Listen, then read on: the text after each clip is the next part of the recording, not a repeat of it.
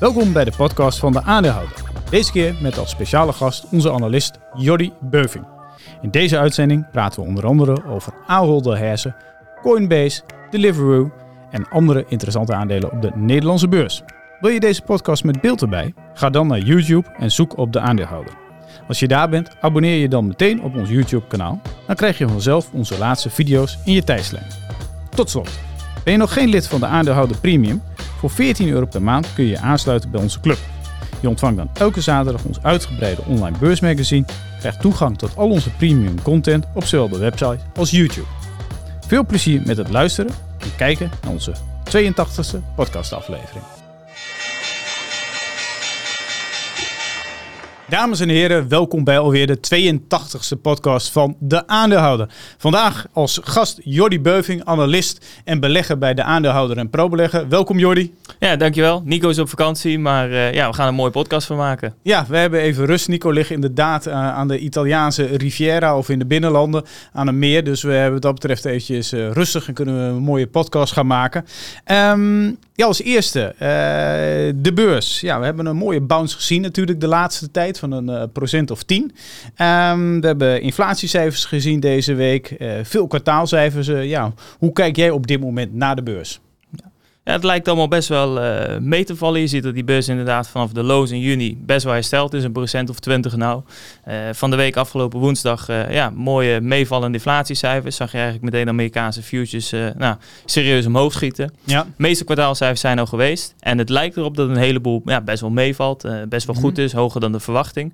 Enkeling ja, viel wat tegen. Maar ja. over het algemeen ja, ligt het er redelijk goed bij de laatste tijd. Ja, had je bepaalde segmenten dat je dacht van hey, daar ligt het iets minder? Uh, of bepaalde hoek? Of is het echt gewoon echt heel bedrijfsspecifiek waar het wat minder gaat? Uh, nou, wat het wel is, is je ziet dat men zich nou echt heel erg zorgen maakt om die uh, ja, consumentensector, zeg maar. Ja. Alles waar de consument, consumentenelektronica, et cetera. Ja. dat begint nou wel echt uh, af te zwakken. Ja. Dus ja, dat is het. Maar ook bedrijfsspecifiek zie je ook nog wel dat er verschillen zijn. Maar al met al valt het reuze mee. En ja, dat zien we terug op de beurs. Ja, nou, ik vind het op zichzelf ook wel opvallend dat je eigenlijk, je hebt ja, hele hoge inflatie. bedrijven lijken toch hun marges met de kwartaalcijfers redelijk goed op orde te kunnen uh, of op uh, ja, redelijk niveau te kunnen houden.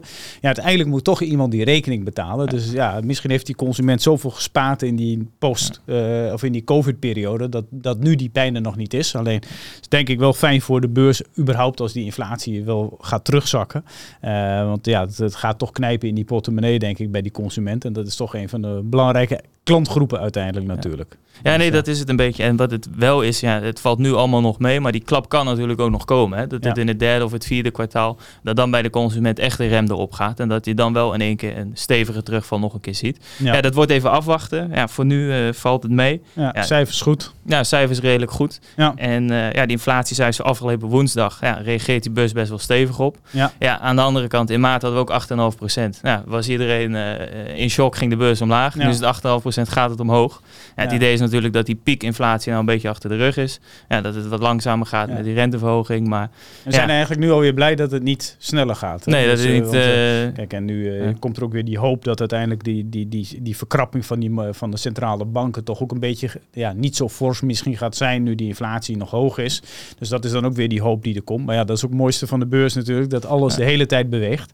En we zijn ook eigenlijk wel heel erg benieuwd hoe uh, ja, jullie, de kijker en de luisteraar, ja, denken over de beurs op dit moment. dus we hebben een mooie bounce gezien. we zijn heel benieuwd als je misschien hier onder je commentaar kunt geven hoe jij nu voor de rest van het jaar naar de beurs kijkt. Denk je dat we het ergste hebben gehad en dat we toch wel ja, stabiel of misschien hoger gaan? Of hou je je hart vast uiteindelijk toch dat die consument heel hard op de rem gaat trappen?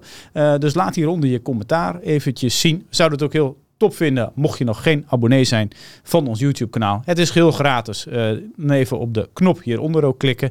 Uh, maar zeker de reactie, dan kunnen we eens kijken wat de community van uh, de aandeelhouder er uiteindelijk zelf van vindt. Dus vooral even reageren.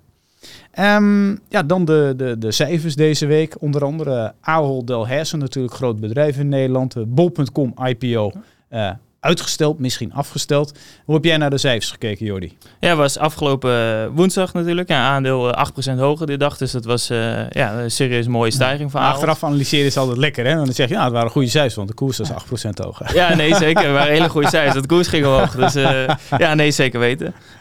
nee, waren eigenlijk allemaal hartstikke veel beter dan verwacht allemaal. En ja, Ahold lijkt de marge best wel goed te kunnen beschermen. Ook al uh, is er best wel serieuze inflatie. Ja. Nou, die IPO van Bol.com, dat wisten we eigenlijk al. Ja, was al uh, uitgelekt eigenlijk. Ja dat, ja, dat ga je nou ook niet meer doen, zeg maar. Daar waren ze eigenlijk al te laat mee. Want ja, de waardering, alles et cetera omlaag, dan ga je dat gewoon niet doen. Nee. Uh, dus ja, om het al best wel goed aanhaalt. Ja. Mooi meevallen. Ja, ja wat, wat, mij, wat mij ook wel opviel was dat eigenlijk het ja, operationeel gezien het resultaat echt duidelijk beter dan analisten verwacht hadden. want ja, iedereen hield ze had een beetje vast met die hele hoge inflatie natuurlijk van ja, kan die marge overeind blijven. Nou, vooral in Amerika hele sterke marge in mijn ogen. In Europa viel het wel wat tegen. Alleen ja, daar hebben ze nu wel gelijk weer een programma aangekondigd om die marge weer terug naar die 4% te brengen, wat het historisch gemiddeld is. Dus dat was heel sterk. En wat verder echt opviel was uh, verhoging van de guidance voor dit jaar. Uh, ja, en toch ook dat met het bol.com, dat ze zeggen van ja, we gaan eigenlijk uh, de investeringen in bol.com uitsmeren over een langere periode. Uh, en dat betekent dat de vrije kaststroom in de periode tot en met 2025 uh, ja, op 7,5 uh, miljard komt tegen eerder verwacht 6 miljard. Dus ja, veel meer cash eigenlijk voor de aandeelhouder om dividend en aandelen in te kopen. Dus ja, ik, ik was eigenlijk wel, ik heb ook de aandelen bij ProBeleg, ik was wel enthousiast over de cijfers. En ja, ik verwacht ook wel dat die aandelen naar boven de 30 kunnen lopen. Ja. Dus, en we het laatste, wat, wat hier op kantoor over, over wat jij zegt van dat uitsmeren van dat geld. Ja. En dat is op zich, ik vond het wel een heel interessante gedachte. Van, het idee was natuurlijk bol.com naar de beurs brengen. Ja, en dan wil je eigenlijk, omdat je beursgenoteerd bent, uh, ja, de meeste investeringen inderdaad aan het begin doen. Zodat ja. Uh, beleggen verbetering kan zien. En dan wil je eigenlijk alles naar het begin uh, toeschuiven. Ja. ja, nu hoeft dat dus niet meer. En dat scheelt natuurlijk serieus. Ja. dus het is ja. zeker mooi. Ja, ze gaven in die call ook wel een beetje aan van, we hadden net over van, van, welke bedrijven doen het dan. Hebben het toch wel wat, wat lastiger en uh, bol.com kromp in het eerste kwartaal kromp ook een beetje in het uh, tweede kwartaal. Uh, wel minder dan in het eerste kwartaal. Dus ze zeiden zelf wel van, uh, dat ze toch iets meer, eigenlijk wel dat momentum nog iets meer hadden verwacht om vast te houden. Maar ze passen het nu aan. En ja, ik denk ook dat het geen handig moment is voor een IPO. Dus wat dat betreft denk ik goed. Maar mooie cijfers. En ja, nu eventjes ja, het bedrijf lekker aandelen inkopen, dividend. ja, voor mij in ons elftal staat hier op het middenveld van, van Nico en, en, en de aandeelhouder. Dus ja, ja, stabiele middenvelder uh, die, uh, die absoluut goed uh, gepresteerd heeft. En overnamegerucht, hè? Dat, dat las ik op uh, Seeking Alpha al ja? maandag volgens mij. Dat het vliegtuig van Aal was gesignaleerd bij Albertson. Ja. en op die manier ging een beetje het balletje rollen van, nou, eerder was het andersom zo geweest. Was het vliegtuig van Albertson in de buurt van Aal ja. gesignaleerd. Ja, dat er misschien een overname aan zit te komen. Ik weet niet, heb je dat... Ik vind het wel een mooie naam voor een bedrijf, Albert. Albertson. ja, nee, dat geloof ik zeker. Dat, naam, dus ja, dat, nee. maar het is best een serieuze overname. Mocht dat doorgaan. Maar... Ja, het is natuurlijk een beetje Ahold, overnames, Amerika. Kijken naar geschiedenis. Ja. ja, je moet het natuurlijk beoordelen op, stel dat er iets gebeurt, moet je het beoordelen gewoon op de metrics die er, hè, wat, hoeveel betalen ze, wat is de synergie, want er zal heel veel synergie zijn. Uh, ja, alleen dat, dat mooie, die defensieve middenvelden, dat, dat, dat verhaal kan dan natuurlijk hier uh, zo in het prullenbakkie. Als zij voor 15 miljard, wat is de huidige market cap, en zelf 30. Ja, als ze dat gaan overnemen, dan uh, ja, is dat defensief karakter uh, is wel even weg. Maar je moet dus beleggen wel het op zijn metrics beoordelen op dat moment. Uh, maar het wordt dan wel eigenlijk een bijna, het is al voor 70% een Amerikaans bedrijf, maar met zo'n overname, dan ja, dan is eigenlijk Europa een afrondingsverschil. Ja. Dus, dat, dus dat heb je wel. Ja, nou, we gaan het zien of dat uh, doorgaat of niet. Hey, dan, uh, ja, jij verdiep je altijd veel natuurlijk in de, in de chipsector. En uh, deze week waren er ja, twee waarschuwingen van Nvidia, een hele bekende speler. En iets minder bekende speler Micron. ja, waardoor kwamen die winstwaarschuwingen? Ja, klopt. afgelopen maandag opeens plotseling Nvidia met een preliminary result in de middag. En ja, die kwamen met een winstwaarschuwing. Die hadden eerst gerekend op, ik heb het hier uh, opgeschreven, 8,1 miljard voor het tweede kwartaal omzet. Ja. En dat wordt nu waarschijnlijk 6,7 miljard. Dus dat is serieus uh, verschil, 1,4 miljard. Ja, dat is uh, procentueel gezien ook een stevige ja, misser. Dat is een stevige misser. En wat ze eigenlijk zeggen, nou, Nvidia is voornamelijk videokaarten, in het Engels mm -hmm. GPU's. Ja. En ja, dat segment zwakt echt serieus af en daar zit de missen. Dat is, dat is Ehm, gaming, is dat dat hè? is met name gaming. Videokaarten is voor, nou, als jij eh, op je laptop of je computer eh, ja, eh, gaat gamen of Ja. videobewerking doet of iets ja, waarvoor je intensief video aan het gebruiken bent. Ja. En ja, dat was een hele sterke zwaar, vraag vorig jaar natuurlijk. Ja. Nou, heel veel mensen aan het gamen vanwege de lockdowns. Je moet toch wat als je vrij hebt. Ja, je moet toch wat doen inderdaad. Maar ook voor crypto mining bijvoorbeeld worden die heel veel gebruikt. Ja. dat was natuurlijk ook vorig jaar een ontzettende eh, groeimarkt. Ja. dat zwakt nou allemaal af. En bij, Eh, en bij Micron? ja, bij Micron, dat zijn echt de geheugenchips. Eh Ja. Dus DRAM en de AN en die chips. Ja. En ook daar zwakt het af. En ja, die chips die zitten met name in de consumentenelektronica, de smartphones, laptops. Dus is toch die hoge inflatie, zie je toch dat daar dan eh, de consument nu daar wel Ja, de hand op de knip houdt. Ja, en het is gewoon heel simpel eigenlijk. Vorig jaar ja, een piek gehad, gewoon bleef Ja. maar groeien, bleef maar groeien. Ja, op een gegeven moment gaat dat draaien. Nu inderdaad, die consument, ja, die kan weer naar buiten, die is weer aan het werk, die zit niet meer thuis. Ja. Gaat er niet meer, eh, of in ieder geval minder aan uitgeven. Dus je ziet ook die prijzen van al die chips, die zakken enorm weg. Zowel van die GPU's als die geheugenchips. Prijzen zakken weg, ja, eh, vraag zakt af. Een heleboel afnemers zitten met een hoge voorraad nog. Ja. Ja, eh, dus vandaar de winstwaarschuwingen.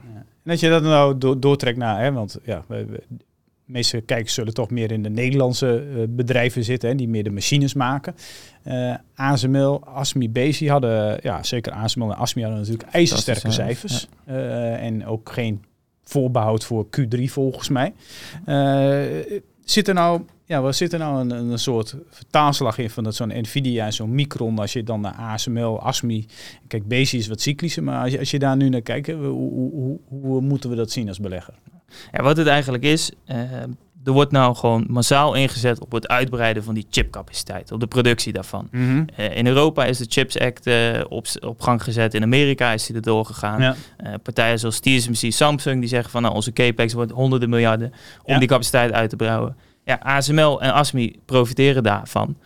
En Ja. ja. zolang die investeringen niet worden teruggeschaald, ja, zou je zeggen op de lange termijn, eh, ja, een mooi perspectief. Ja, en het zijn natuurlijk ook investeringen voor vijf, tien jaar, dus het is ook niet, het is ook niet, ja. het is niet zoiets van elk kwartaaltje beslis je opnieuw. Ja, wat het is, die chipsector is natuurlijk voor oudste best cyclisch. Alleen het opbouwen van zo'n chipfab, dat duurt Ja. vier tot vijf jaar. Ja, als nu die vraag afneemt eh, en het, ja, het zakt allemaal weer wat in elkaar, dat betekent nog niet dat over vijf jaar dat niveau aan vraag daaronder ligt. Dat kan er best wel eens boven liggen, dat het weer herstelt. Ja. Ja, dus dat is nou even de vraag. Je zag wel bijvoorbeeld bij Micron, die geven aan van ja, we gaan gewoon 40 miljard investeren in nieuwe capaciteit in de VS. Ja. Gooi daarentegen wel weer de capex voor eh, het komende jaar iets omlaag. Ja. Dus nou, ze houden er wel rekening mee, maar het is niet dat het opeens allemaal door stilgelegd wordt. Niet in één keer Ja. heel fors naar beneden. Nee, dus ja, dat lijkt allemaal wel mee te vallen. Het zit met name echt in die consumentenhoek, wat nou echt stevig afzwakt. Ja, en daardoor zie je dat een Nvidia, die is er heel gevoelig voor. Maar automotive blijft goed en andere takken blijven natuurlijk wel goed. Ja, automotive was ook bij, bij Nvidia was, eh, zeer sterk. Alleen ja, is voor een heel klein segment, dus het stelt niks voor voor hun. Maar dat blijft voor nu liggen, klopt. Hey, en d- dat is meer, dat daar hebben we het wel vaker over natuurlijk eh, zelf. eh, eh, China, oefeningen rondom Taiwan. En als je dan, eh, stond een artikel deze week ook op eh, nos.nl natuurlijk over TSMC. Dat de 90% van alle complexe chips eigenlijk in de wereld die er gebruikt worden, eh, komen eigenlijk uit de fabriek van TSMC. En eh, dan denk je wel van, hè, we, we hebben het wel, eh, we- je hebt het vaak natuurlijk over eh, zogenaamde, wat zijn nou de, de black swans? Hè, de, want eh, wat is nou een zwarte zwaan eh, die eh, heel veel kan vernietigen, wat je niet ziet aankomen. Maar dit is toch wel scary, hè, zo'n TSMC met zo- zo'n, en eh, ja, we kunnen ook niet snel switchen. Eh, Maak jij je daar zorgen over? Eh, ja, zeker. En ik ben niet de enige. Eh, iedereen eigenlijk. Amerika, Europa, de politiek, eh, het bedrijfsleven. Iedereen maakt zich daar zorgen over. Ja, TSMC en Samsung, los van de meest geavanceerde chips, zijn in principe gewoon samen goed voor ja, het merendeel van de wereldwijde chipproductie. Ja. Zeker zoals jij zegt van de meest geavanceerde chips. Ja, daar zijn hun leidend. En zeker TSMC. TSMC. Alleen heeft meer dan 60% eh, van de wereldwijde chipproductie in handen. Ja. ja, dat is echt een risico. Eh ja, dat zit allemaal in Taiwan. Ze hebben Ja. wel ook een fabriek in Amerika en eentje in China. En ze zijn nou bezig om met subsidie in Japan een eh, fab op te zetten. En ook in Singapore zijn ze in gesprek. Maar ja, het merendeel van die fabrieken staan in Taiwan. Ja, China, eh, die erkent Taiwan niet. Die zegt, nou, Taiwan eh, dat bestaat niet, het is gewoon China. Maar er zijn eigenlijk Eh, heel weinig landen die Taiwan erkennen. Hè? Ja, nee, klopt. Het Het is echt- Vaticaan wel trouwens. Oh, Vaticaan wel. Ja. zag ik het tussen staan. Ja. ja, nee, het is echt... ja, in Amerika dat is, al, is het trouwens al heel lang dat het zo Ja. is. Maar voor Amerika, ja, heel afhankelijk van de TSMC. Ook Apple bijvoorbeeld, hè, die ja. ja is heel afhankelijk van de TSMC. Dus het is ook een beetje een politiek spelletje. Ja, wij weten natuurlijk ook niet hoe, hoe, dat gaat lopen, maar we denken van we willen het wel even flaggen, hè, even een signaaltje. Ja, het, het is er. Maar zo'n TSMC, denk je dat dat... Uh, nou, dat is ook best wel hard gedaald. Uh, ja. Redelijk uit. Zeg je van... Uh, maar hoeveel discount zit er op dat aandeel vanwege Ja, de, hoe groot is die China-discount? Ja, want ik bedoel, ik, ik keek er een keer naar. Toen dacht ik, ja, dat zou je blind moeten kopen. Alleen ja, dat is de, de China discount. Ja, is dat... ja, misschien, moet, misschien is de China discount in het aandeel 50%. Dus kan het verdubbelen als die er niet zou zijn. dus ja, alleen ja, het zijn die dingen waar ik dan op ga gokken of zoiets. Dat, nee, precies niet in mijn strategie. nee. Hey, maar uh, we hebben het natuurlijk over een hele leuke sector met, met heel veel groeipotentieel. En dat is denk ik wel een mooie stap naar een oh. pareltje in Nederland. Hè? Ik uh, denk dat ik al weet welke het wordt. Kijk, Nico is er niet. En dat is onze grote, die, die, die is volgens mij ook voorzitter van de fanbase PostNL. Nou, dat zijn wij allebei niet. dus we hebben nu even vrij spel op dat gebied. Want de cijfers deze week, ja, je had er geen zin in, maar je moest er toch naar kijken. Ja, ja dus, nee, ik moest er naar kijken. Want ik weet dat Nico er altijd heel graag over schrijft en over bezig is. Dus ik heb toch uh, nou, voor het leden van ADO een mooie... Ik, ik, zag je ook echt steunen en kreunen over dat PostNL. Ja, ja, ja, nee, het is ook echt niet uh, mijn bedrijf. Ik zie er niet echt een uh, nou, lange termijn aantrekkelijke belegging in. Ja, cijfers die vielen ja, slechter uit dan verwacht. Ja, was al wel uh, opgerekend, maar ja, uh, last van inflatie, uh, brandstofkosten omhoog, arbeidskosten omhoog. Ja, ja PostNL heeft vanwege corona... Minder e-commerce. minder e-commerce. Dus eigenlijk ja, alles wat tegen kan zitten, zit tegen bij PostNL. Ja. Corona, ja, nou, natuurlijk de wind in de rug gehad, enorme groei, iedereen bestellen online. Ik had extra investeren. Ja, e-, extra investeren, capaciteit omhoog, nieuwe mensen aannemen, nieuwe busjes, nieuwe fietsen. En ja, nu zwakt dat toch best wel snel af. En uh, ja, kosten zijn natuurlijk opgelopen. Ja, die brandstofprijzen die, uh, is voor PostNL gewoon heel erg uh, grote kostenpost. Ja. ja. het zijn allerlei externe factoren. PostNL kan er niks aan doen. En daardoor... nee, ja, maar, dat, ja, maar PostNL kan er nooit iets aan doen. Ook niet als het heel goed gaat, kunnen ze er ook niks kunnen aan ze er ook niks En als het heel slecht gaat, kunnen ze er ook niks aan doen. Ja, nee, dus het is gewoon afwachten dus, tot het... de markt beslist wat er gebeurt. Ja. Nee, dus ja, op korte termijn denk dus, ik, ik heel weinig. Zo'n uh, artikel waarin stond van behalve het dividend heb ik hier niks te zoeken of heb zoiets. Ik niks te zoeken. Dus, want dividend krijg je wel natuurlijk. Ja, nee, dat wel. Maar ja, op korte termijn heel weinig interessant denk ik. Misschien een bedrijf dat we allebei een stukje leuker vinden. dat is vandaag de cijfers van elektrische bussenbouwer Ebusco. Ehm, ja, heb je, heb je naar gekeken? Wat vond je ervan? Ja, ik heb ze inderdaad uh, s ochtends gezien. Uh, ik heb er niet heel uitgebreid naar gekeken. Moet ik even toegeven dat uh, ja, was... te druk. ja, te druk. maar jij hebt je daar wel meer in verdiept. Ja. dus ja. ja.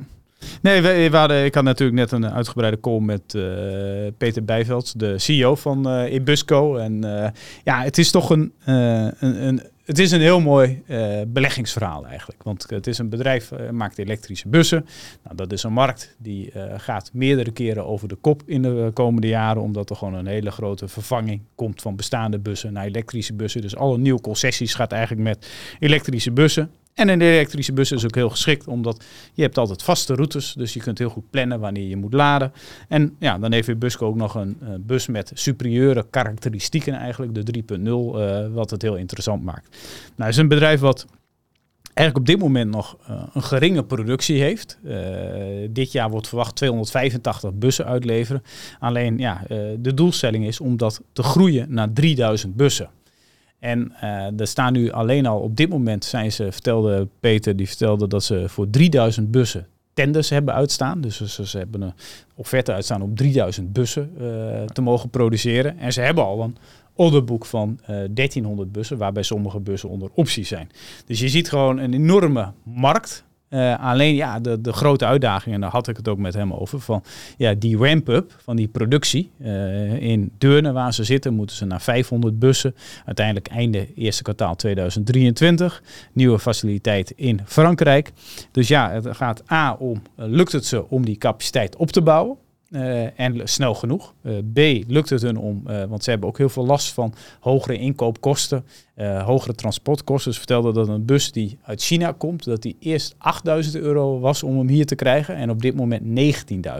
Ja, en, moet je nagaan. En ook de kosten van FX, want veel kosten zijn in dollars, dat dat 25.000 dollar of euro per bus op dit moment extra kosten met zich meebracht. Alleen dat loopt er ook weer uit, want nieuwe contracten zijn natuurlijk met nieuwe voorwaarden. Alleen A is het uh, ja, productie opbouwen. En ten tweede is het de marge uh, handhaven of omhoog brengen. Want ze willen uiteindelijk naar 35% EBITDA-marge, wat ik heel ambitieus vind. Maar in 2020 hadden ze al 27%. Ja. het zit wel in de buurt. Ja, nee, daarom. En, alleen ja, als je het dan back of die envelop is uitrekent, stel dat het ze zou lukken, 3000 bussen in 27, 28, keer pak een beetje 5, 6 ton per bus, dan zit je op anderhalf tot 1,8 miljard omzet nou, laten we zeggen gemakshalve 30% uh, EBITDA-marge. Ja, 500, 600 miljoen EBITDA. Ja, je hebt het nu over 1,4 miljard market cap. Moet nog wel wat nieuw geld in. Uh, het is heel risicovol, hè, want er moet heel veel gebeuren. Alleen ik denk bij elke stap die ze zetten, ja, dan kan het verschil tussen die, laten we zeggen, met nieuw geld anderhalf miljard uh, en potentieel misschien wel 5 miljard, kan er een stapje worden gezet. Dus wel uh, ja, intrigerend en leuk verhaal op de Nederlandse beurs. Ja, zeker. Ja, we hebben het er wel vaak over. En ja, wat het volgens mij ook een beetje is, is van ja, je, je gelooft in het verhaal. Uh, maar je moet wel geduld hebben ook. Want kijk, dat gaat niet in uh, een paar kwartalen dat het daar uh, opeens uh, die bussen van de band nee. afrollen. Nee. In een tempo waarvan je denkt van nou, dit is wel echt serieus. Het bedrijf moet worden uitgebouwd. het kost gewoon tijd. Nu, ze zaten nu zelf in hun faciliteit op één bus per dag. Eén bus per dag. Ja. En het moet aan het eind van het jaar twee bussen per dag zijn. Ja. En uh, ze werken niet in het weekend trouwens. Dus dat, okay. uh, is wel belangrijk om te weten. Het kan eventueel wel nog. Ja, ik vroeg, het was wel mooi. Ik vroeg nog aan uh, Peter van, ik zeg van, en nog op vakantie geweest? Hij zegt, ik heb alleen vakantie in het weekend. Alleen dit weekend, ja, ja. Oftewel, committed CEO met heel veel skin in the game, want hij heeft zelf heel veel aandelen. Dus, uh, dus, dus uh, ja, zeker interessant om uh, als belegger te volgen in ieder geval, want het is wel ja, uniek voor de Nederlandse markt. Ja, we zijn er langs geweest. Ik moet zeggen, hele energieke kerel ook. Bas van de energie, de trap oprennen, trap afrennen en ja, ja echt de ondernemer wel. Ja. dus wat dat betreft, nou, dat is voor mij in ieder geval ook wel, draagt wel bij aan het positieve beeld daar. dus ja, we gaan het zien. En je dan een beetje, je bent altijd wel geïntrigeerd door het aandeel Coinbase. Dat Coinbase, volg, volg je altijd wel goed. Je hebt een modelletje met alle volumes dat je een beetje trekt. Deze week ook cijfers. Nou, zal niemand verbazen dat het natuurlijk niet zo lekker gaat ten opzichte van een jaar geleden. Um, en uh, wel heel veel geïnvesteerd natuurlijk, want iedereen dacht dat die hype verder zou gaan. Ja, hoe heb jij die cijfers bekeken? Ja. Nee, uh, ja, je zegt het eigenlijk uh, heel goed. Uh, cijfers waren, waren slecht. Nou, dat wist eigenlijk iedereen al. nou, omzet viel iets lager uit dan verwacht. was ongeveer 800 miljoen, terwijl op 850 miljoen werd gerekend. Ja. Handelsvolume was 216 miljard. Ja, dat was wel een beetje in lijn ook met consensus. Maar dat is echt serieus lager dan wat ze eerder draaiden. Ja. Voor de beeldvorming vierde kwartaal van 2021 ja, zaten ze nog uh, boven de 500 miljard. Dus het is echt gewoon uh, serieus. Exit, is echt serieus uh, 60% ja. minder. En uh, ja, dat nekt Coinbase. Ze hebben in 2021 enorme groei gezien aan handelsvolumes, actieve ja. gebruikers. ja, iedereen was met crypto bezig. En je zag het langs de snelweg, aan de keukentafel had iedereen het over. En ja, Coinbase die dacht eigenlijk, sky's the limit. We blijven ja. mensen aannemen, we blijven inzetten op marketing. Ja. operationele kosten die zijn gewoon meer dan verdubbeld op een jaar tijd. Liggen nu op 1,8 uh, miljard, dus het is serieus. Ja, met een omzet van uh, 800 miljoen uh, doet dat pijn, zeg maar. Ja, dus, dus uh, lekker, lekker de kosten omhoog geschroefd en nu valt het even tegen. Nu valt het tegen. En wat het vervelende is, is het idee bij Coinbase was, nou, we gaan een secundaire uh, omzetstroom creëren. Want ze zijn nu heel mhm. afhankelijk van die retailmarkt. Daar halen ze het meeste uh, commissies ja. uit. Dus ze nou, doen ook abonnementjes verkopen en andere producten. Maar dat is op het geheel zo klein. Ja, daar hebben ze op dit moment gewoon helemaal niks aan. Ze zijn puur afhankelijk van die retailmarkt. Ja, zolang die volumes niet aantrekken, verbrandt Coinbase, Coinbase geld. En ja, ze hebben al gezegd van, nou, we hebben te laat gezien. CEO heeft toegegeven van, nou, we zijn te snel gegroeid. We gaan nu cost control doen. We gaan zorgen dat uh, ja, die cashbun omlaag gaat. Ja. ja. afgelopen drie kwartalen, ik zie dat nog niet echt uh, ja. gebeuren. Dus ja, heel lastig verhaal bij Coinbase. Nou, je hebt, alleen dat, dat, is op zich natuurlijk iets wat je, wat je wel bij meer bedrijven hebt gezien. Die, die had groeien. Uh, nou, die denken dan allemaal, nou, de, dit is de lijn. Dus die trekken we lekker door. Ja. Uh, extra investeringen. Ja, nu valt het in één keer tegen. Ja. Alleen ja, je kosten omhoog schroeven is altijd makkelijker dan ja. je kosten weer omlaag schroeven natuurlijk. Ja, nee, opschalen gaat makkelijker dan afschalen inderdaad. En dat is, ik verbaas me daar wel echt over. We hadden het daar van de week ook over met z'n tweeën. Van, kijk, één op de zoveel ondernemer, natuurlijk kan een keer fout gaan, management kan het verkeerd zien, ja. et cetera. Uh, fair enough. Maar je ziet het echt bij een heleboel ja. bedrijven en ook bij hele grote beursgenoteerde bedrijven. Ja. Ook bijvoorbeeld de Netflix, ja, die rekende gewoon op een groei die in principe oneindig was. Ja, je moet toch ook wel op een gegeven moment, als het heel goed gaat, een keertje denken van, nou, het kan ook wel een keertje afzwakken. Ja, ja eh, eigenlijk toch. Ja. Niet dat ik het moet zeggen, maar bij Just Eat Takeaway eigenlijk hetzelfde natuurlijk. Ja, nee, uh, dat zei je laatst inderdaad. Van, ja, die hebben precies zelf gaan. Hoofdkantoor, een heleboel kosten. Ja, uh, ja groot kantoor. Kate, Kate Perry, Champions League erbij. En Champions League inderdaad. En ja, ik denk dan toch van ja, moet je niet als in de goede tijden even denken van misschien appeltje voor de dorst, misschien lekker even rustig aan doen. Ja. lekker skiën inderdaad. Maar kennelijk is dat toch iets, ja, jij zei het is kennelijk toch iets menselijks. dat, dat, ja. wij zijn ook naar Oostenrijk geweest hè? Ja, wij zijn er ook geweest. dat was low budget. Ja, het was low budget. low budget. low budget. Ja, ja, dus, uh... Hey, dat was Coinbase. Uh, is misschien uh, ja, iets waar we het wel even over willen hebben, maar dat is niet helemaal onze cup of tea. Maar we hadden de financials in Nederland natuurlijk, waar de Egon, ABN AMRO en Rabobank.